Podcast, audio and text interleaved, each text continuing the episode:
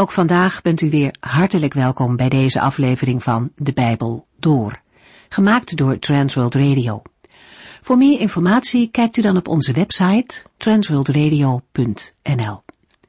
In deze serie gaat u in vijf jaar tijd met ons de Bijbel door, van Genesis 1 tot en met het laatste vers in Openbaring 22. We hebben de vorige keer Jesaja 8 gelezen. Jezaja en zijn vrouw krijgen een zoon die ze een naam met een betekenis geven. Snelle roof, vlugge buit. Deze naam verwijst naar de Assyrische koning die Israël en Syrië zal veroveren. Vervolgens zal het leger echter ook Juda onder de voet lopen, terwijl de koning notabene hulp bij deze vijand zocht. De stroom van zegen die de Heer wilde geven werd versmaad in plaats daarvan zullen de Assyriërs als een vloedgolf het land binnendringen en overmeesteren. Toch zal dat niet het einde van Juda zijn. God zal zijn volk niet voor altijd overlaten aan de vijand. Maar dat hen zware tijden wachten is duidelijk. En Jezaja leeft daar middenin. Hoe doe je dat? Om als gelovige te leven in een land dat niets van de Here wil weten. Jezaja woonde te midden van het volk van God, maar de meeste van hen zochten geen hulp bij de Here. God was op de achtergrond geraakt. De mensen waren bang, maar hun angst bracht hen niet bij degene die hun zou kunnen helpen. Jezaja 8 gaat daarop in. Blijf trouw aan de Here en laat je niet beïnvloeden door wat mensen zeggen, zegt de profeet.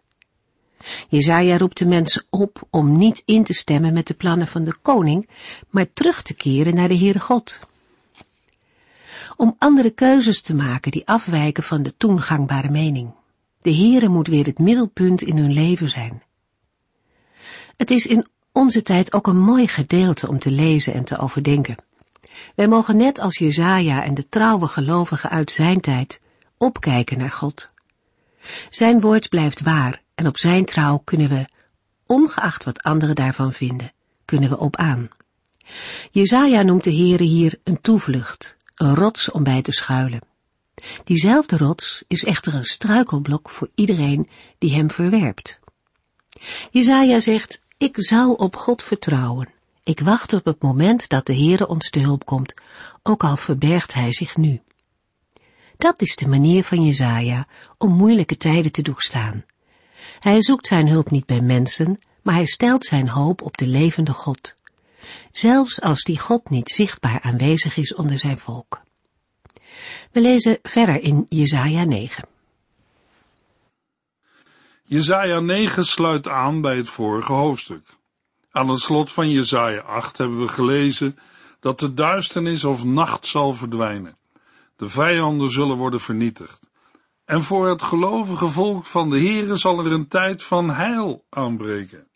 Uiteindelijk zal dit ten volle in vervulling gaan in de tijd van de Messias, zoals blijkt uit de profetie van de geboorte van de grote koning uit het huis van David. In zijn namen en zijn heerlijkheid en glorie wordt het heil van het Messiaanse rijk getekend. In Matthäus 4 worden dezelfde woorden uit Jesaja geciteerd. We lezen in Matthäus 4 vers 12 tot en met 17.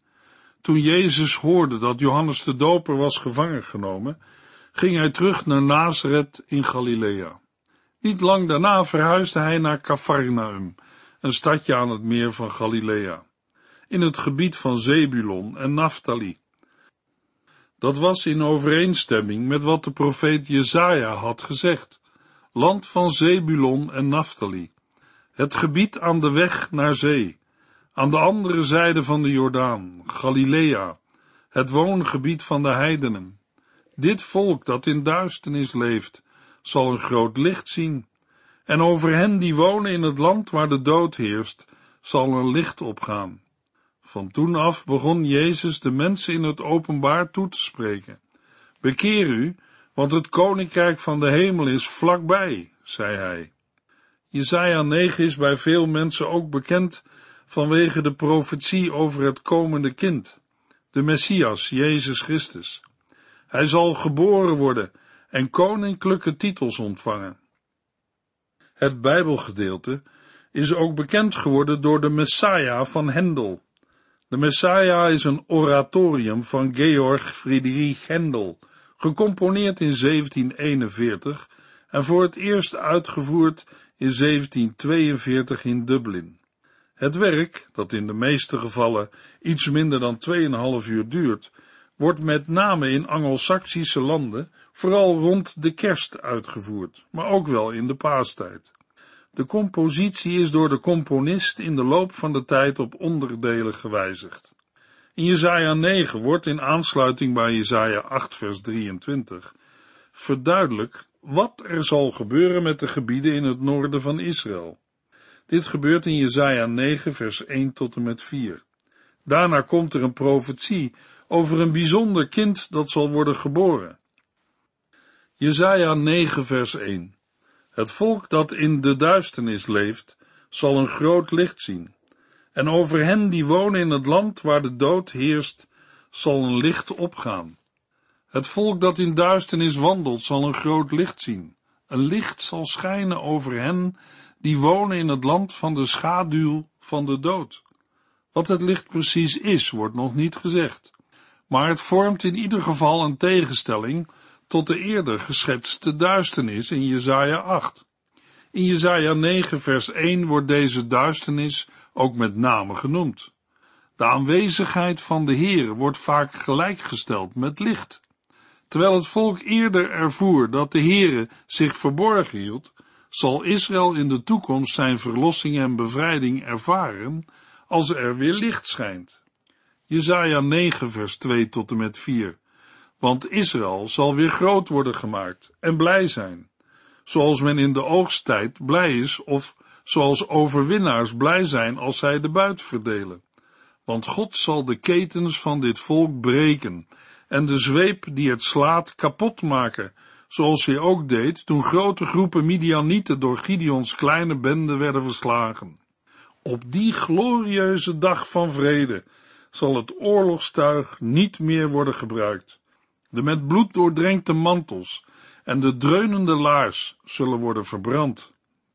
In de volgende drie verzen wordt verwoord hoe de Heere de onderdrukker van het volk zal verpletteren. Jezaja zegt dat de Heere het volk talrijk zal maken en dat hij de blijdschap voor hen groot laat zijn. De blijdschap waarmee het volk zich verheugt voor Gods aangezicht is te vergelijken met de vreugde bij de oogst en bij de verdeling van buit.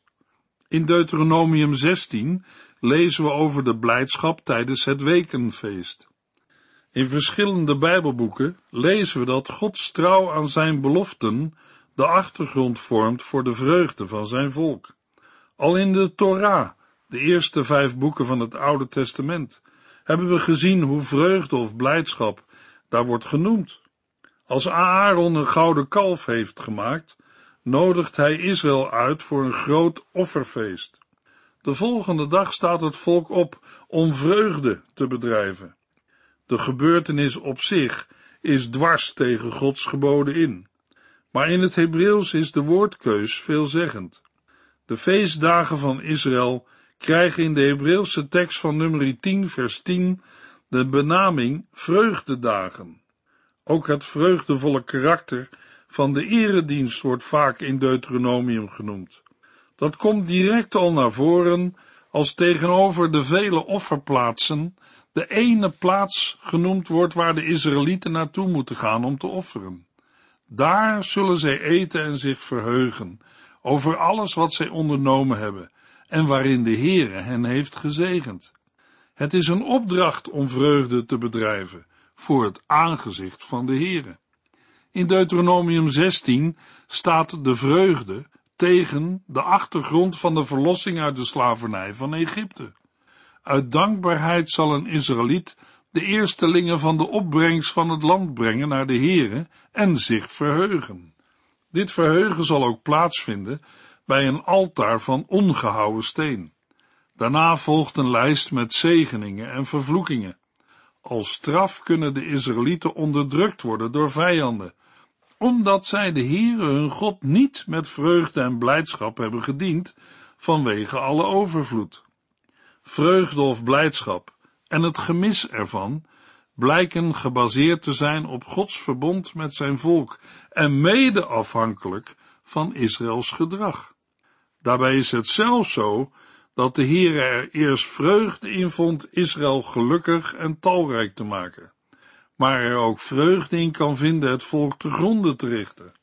Wonderlijk genoeg zal de Heere na een periode van straf en ballingschap weer ingrijpen en het hart van zijn volk besnijden, zodat Israël hem lief heeft en dient.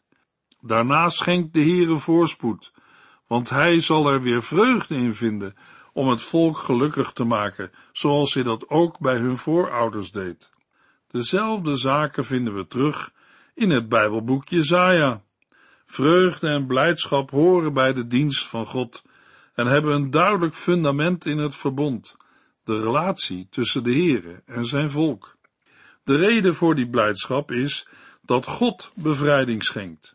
Het juk dat op hen drukte, de ketens die knellen, worden verbroken en de zweep die hen slaat kapot gemaakt, zoals hij ook deed toen grote groepen Midianieten door Gideons kleine bende werden verslagen. Met deze woorden verwijst Jezaja naar de overwinning van Gideon op de Midianieten. Tegelijk doet het denken aan de verlossing van de onderdrukking door de Egyptenaren. De concretisering van deze belofte ten aanzien van de onderdrukking door de Assyriërs wordt beschreven in Jesaja 10, waar dezelfde volken worden genoemd, Egyptenaren en Midianieten. Jesaja verduidelijkt in vers 4 dat iedere laars die met gedreun stamt en de met bloed doordrenkte mantels tot voedsel voor het vuur zullen worden. Op die glorieuze dag van vrede zullen ze worden verbrand. De strijd tegen het volk van Gods verbond zal worden beëindigd, omdat alle soldatenuitrusting ten prooi zal vallen aan de Israëlieten en zal worden vernietigd. Jesaja 9 vers 5 Want een kind is ons geboren, een zoon werd ons gegeven, en de heerschappij zal op zijn schouders rusten. Dit zullen zijn koninklijke titels zijn. Wonderbare raadgever, machtige God, eeuwige vader, vredevorst. De climax van de heilsprofetie volgt in Jesaja 9 vers 5 en 6 over een zoon die het koninkrijk van David rechtvaardig zal regeren. De woorden spreken van een persoon die, vanwege zijn volmaaktheid, meer is dan een gewone koning uit het huis van David. Jezaja spreekt tot zijn volk dat een kind is geboren en daarmee een zoon werd gegeven. De meeste Bijbelvertalingen hebben is geboren. Omdat een toekomstige gebeurtenis is bedoeld, kiezen andere Bijbelvertalingen voor de vertaling wordt geboren. Het woordje ons heeft betrekking op het volk van Juda, dat onder grote moeiten zucht. De vermelding dat de heerschappij op zijn schouders zal rusten, geeft aan dat hij een koninklijke persoon zal zijn. Het is opmerkelijk dat de verlossing zal komen door een kind. Blijkbaar is de Heere zo machtig dat hij kan bevrijden door het zenden van een kind. Daarbij komt de vraag op waarom in deze hoofdstukken van Jezaja zo vaak kinderen worden genoemd. Mogelijk omdat ze zwak en nietig overkomen in vergelijking met de grote gebeurtenissen in deze wereld. Wat kunnen kinderen uitrichten als de vijanden het land overstromen? Maar de Heere is niet afhankelijk van menselijke macht en kracht. Hij kan het nietige en zwakke gebruiken om het sterke en wijze te beschamen. Net als bij de eerdere namen in Jesaja 7 en 8 is de naamgeving van de zoon belangrijk. De naam bestaat in Jesaja 9 uit vier titels. Wonderbare raadgever, machtige God, eeuwige vader, vredevorst. De naam wonderbare raadgever wijst op het bijzondere vermogen wijze raad te geven. Het menselijk inzicht kent allerlei begrenzingen, maar in de wijsheidsliteratuur blijkt dat het door Gods leiding mogelijk is een wijs mens te worden, die bekwaam is om te onderwijzen en advies te geven. Een voorbeeld van wijze raad is te vinden bij Salomo in 1 Koningen 3.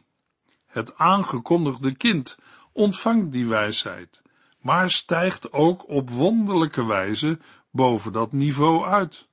De naam Machtige God is voor het Oude Testament uitzonderlijk, omdat een mens niet kan worden vergoddelijkt. Verschillende Bijbeluitleggers proberen Machtige God, mede op grond van Egyptische parallellen, te verklaren als aanduiding voor een aardse koning. Maar in de Bijbel verschilt het koningschap in Israël principieel van dat van Oosterse vorsten of koningen van de buurlanden rondom Israël. In Israël is vergoddelijking van de aardse koning uitgesloten. Het meest in de richting komt Psalm 45 vers 7, maar de beschrijving in Jesaja 9 vers 5 gaat veel verder.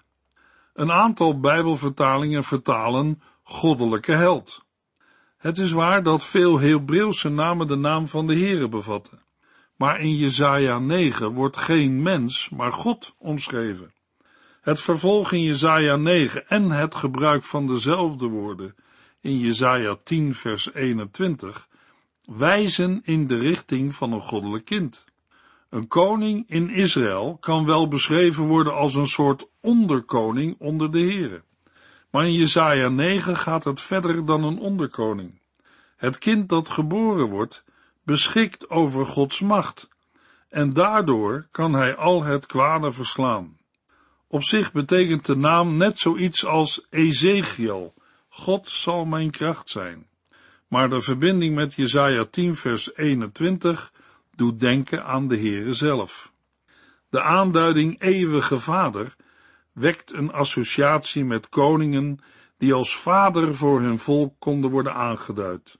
Een voorbeeld hiervan is te vinden in 1 Samuel 24 vers 11, waar David koning Saul omschrijft als mijn vader. Tegelijk wordt de Heere zelf als vader omschreven in Deuteronomium 1 en 8, als ook in Jesaja 63 vers 16. In Jesaja 9 is sprake van een eeuwige vader voor de Israëlieten. In het volgende vers blijkt dat hij eeuwig zal regeren, want aan zijn vredevolle bewind zal nooit een einde komen. De eerste drie benamingen of titels zijn alleen gedeeltelijk van toepassing op een gewoon mens. De combinatie van titels en het verband wijzen in de richting van een bijzondere verlosser, een goddelijk kind. De laatste naam in de opsomming van Jesaja 9 vers 5 luidt vredevorst. Een aanduiding die gebruikelijk is in beschrijvingen van een koning uit het geslacht van David, die een toestand van vrede tot stand zal brengen.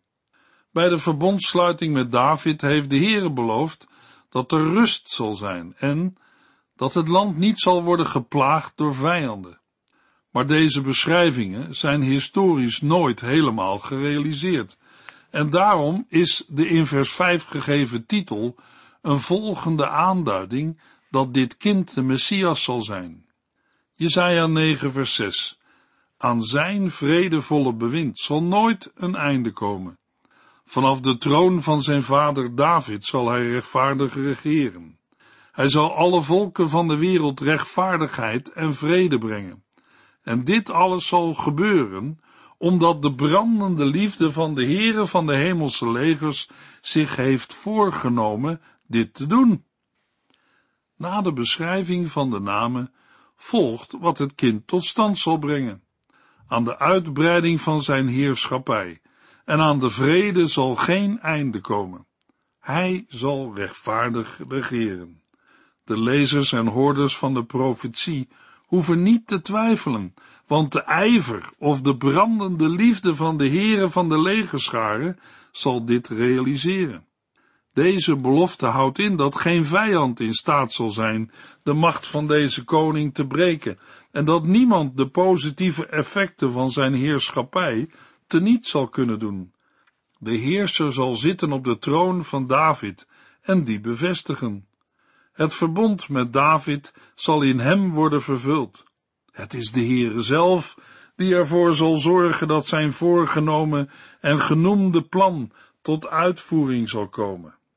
De woorden in Jesaja 9 vers 1 tot en met 6 laten twee aspecten zien. Enerzijds is het kind een goddelijk persoon, en anderzijds een koning uit het huis van David. Er zijn weinig oud-testamentische teksten waarin het goddelijke en menselijke karakter van de Verlosser zo duidelijk naar voren komen. In deze woorden weer klinkt de boodschap dat de Heere onrechtvaardige koningen, als Agas, zal vervangen door een goddelijke heerser. Alleen door hem zullen Gods bedoelingen gerealiseerd worden. Een verdere toelichting op de Messias en zijn rijk volgt in Jesaja 11. Binnen het Bijbelboek Jesaja is de komende verlosser koning, knecht, gezalfde en overwinnaar. In het Nieuwe Testament wordt Jesaja 9 op verschillende plaatsen aangehaald. We lazen al een rechtstreeks citaat in Matthäus 4, waar de verhuizing van de Heer Jezus naar Cafarnaum in het noorden toegelicht wordt als een gedeeltelijke vervulling van de profetie van Jesaja. Op andere plaatsen wordt gebruik gemaakt van het beeld dat het licht in de duisternis schijnt.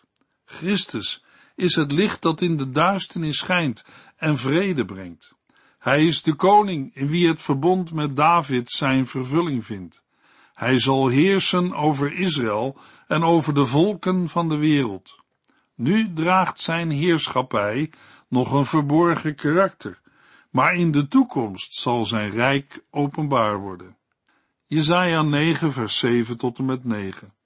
De Heere heeft gesproken tot het trotse Israël, dat zegt dat het zijn land beter en mooier dan tevoren zal herbouwen, ook al is het nu een puinhoop. De wilde vijgenbomen zijn omgehakt, maar die zullen worden vervangen door ceders.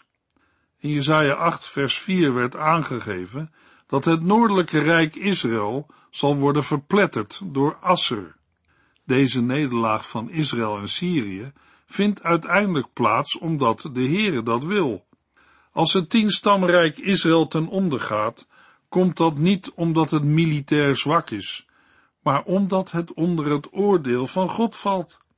Het is niet duidelijk aan wie dit gedeelte geadresseerd is. De meeste uitleggers menen dat Jezaja begint met een aantal aanklachten tegen Israël en eindigt met een oordeelsprofetie tegen Juda. Een opvatting die ook wij volgen, omdat het inderdaad waarschijnlijk is dat Jezaja het woord richt tot mensen in Juda. Jezaja verwijst terug naar de profeten Amos en Hosea. De inwoners van het tien stamrijk zullen ondervinden wat het gevolg is van wat ze in hoogmoed en trots hebben gezegd. We zien bij de inwoners van het tien stamrijk een misplaatst vertrouwen op eigen macht. Jesaja 9 vers 10 en 11 De Heere antwoordt op uw grootspraak door uw vijanden tegen u in het veld te brengen. De Syriërs vanuit het oosten en de Filistijnen vanuit het westen. Zij zullen Israël gulzig verslinden. En zelfs dan zal de toorn van de Heere tegen u nog niet zijn bekoeld. Zijn hand blijft dreigend opgeheven. In vers 10 en 11 blijkt dat de Heere de hand heeft in gebeurtenissen die zullen gaan plaatsvinden. Daarna spreekt Jezaja over de komende aanval op Israël. Het vers wordt afgesloten door een zin die in het vervolg van het gedeelte als een refrein terugkeert. Hoewel de Heere al veel oordelen had laten uitgaan, blijft hij die nog steeds zenden, omdat het volk zich niet wil bekeren en volhardt in onrechtvaardigheid. Jesaja 9 vers 12 tot en met 16. Want na al deze straffen zult u zich niet bekeren en u niet naar hem, de Heere van de hemelse legers, toekeren. Daarom zal de Heere in één dag Israël ontdoen van kop en staart, de leiders en de valse profeten. Want de leiders hebben het volk langs dwaalwegen steeds verder naar de ondergang gevoerd. Daarom beleeft de Heere geen genoegen aan hun jonge mannen, en heeft hij zelfs geen medelijden met de weduwen en de wezen, want ze zijn huigelaars, en uit hun monden komt alleen dwaasheid. Daarom is zijn toorn nog niet bekoeld en heeft hij zijn hand nog dreigend opgeheven. In de tweede godspraak wordt gedeeltelijk verklaard waarom de Israëlieten moeten blijven zuchten onder de toorn van God. De Heer heeft allerlei straffen gegeven, met het doel het volk bij zich terug te brengen, maar het baatte niet, want zij zochten hun heil niet bij hem. De zonde van de leiders heeft gevolgen voor het gedrag van de onderdanen. Aan het slot van vers 16 verschijnt opnieuw het refrein van het gedeelte waarin wordt opgemerkt dat Gods toorn niet is bekoeld en zijn hand nog is opgeheven.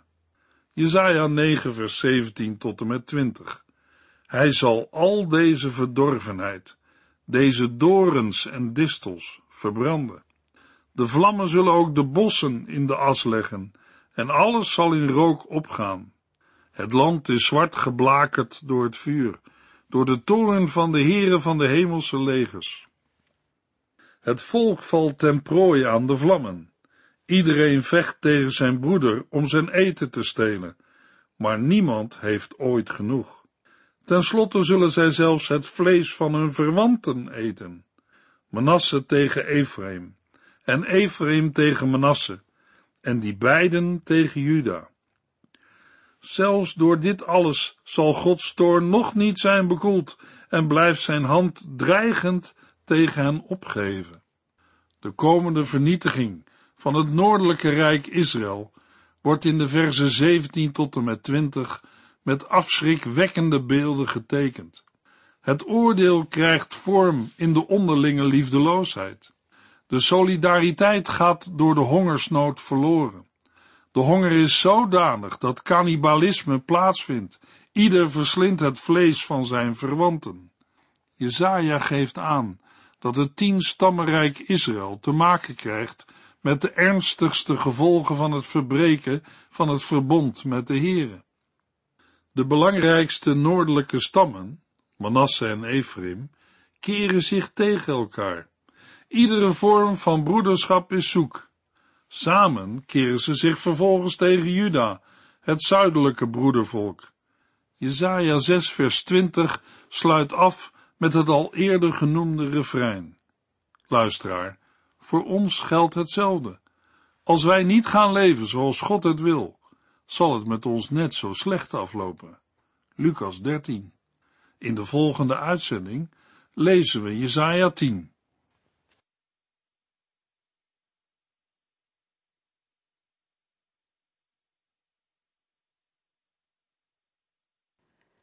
U heeft geluisterd naar De Bijbel Door, in het Nederlands vertaald en bewerkt door Transworld Radio. Een programma waarin we in vijf jaar tijd de hele Bijbel doorgaan. Als u wilt reageren op deze uitzending of u heeft vragen, dan kunt u contact met ons opnemen. Tijdens kantooruren kunt u bellen op 0342 47 8432 0342 47 8432. Ook kunt u een e-mail sturen naar de door at transworldradio.nl en natuurlijk kunt u ook via de post ons bereiken. TWR, postbus 371, postcode 3770, AJ in Barneveld. Dit programma werd gepresenteerd door Cor Weda en Ike André. Techniek was in handen van Odin van Voerkom. En wij allemaal bedanken u voor het luisteren. Graag tot de volgende keer.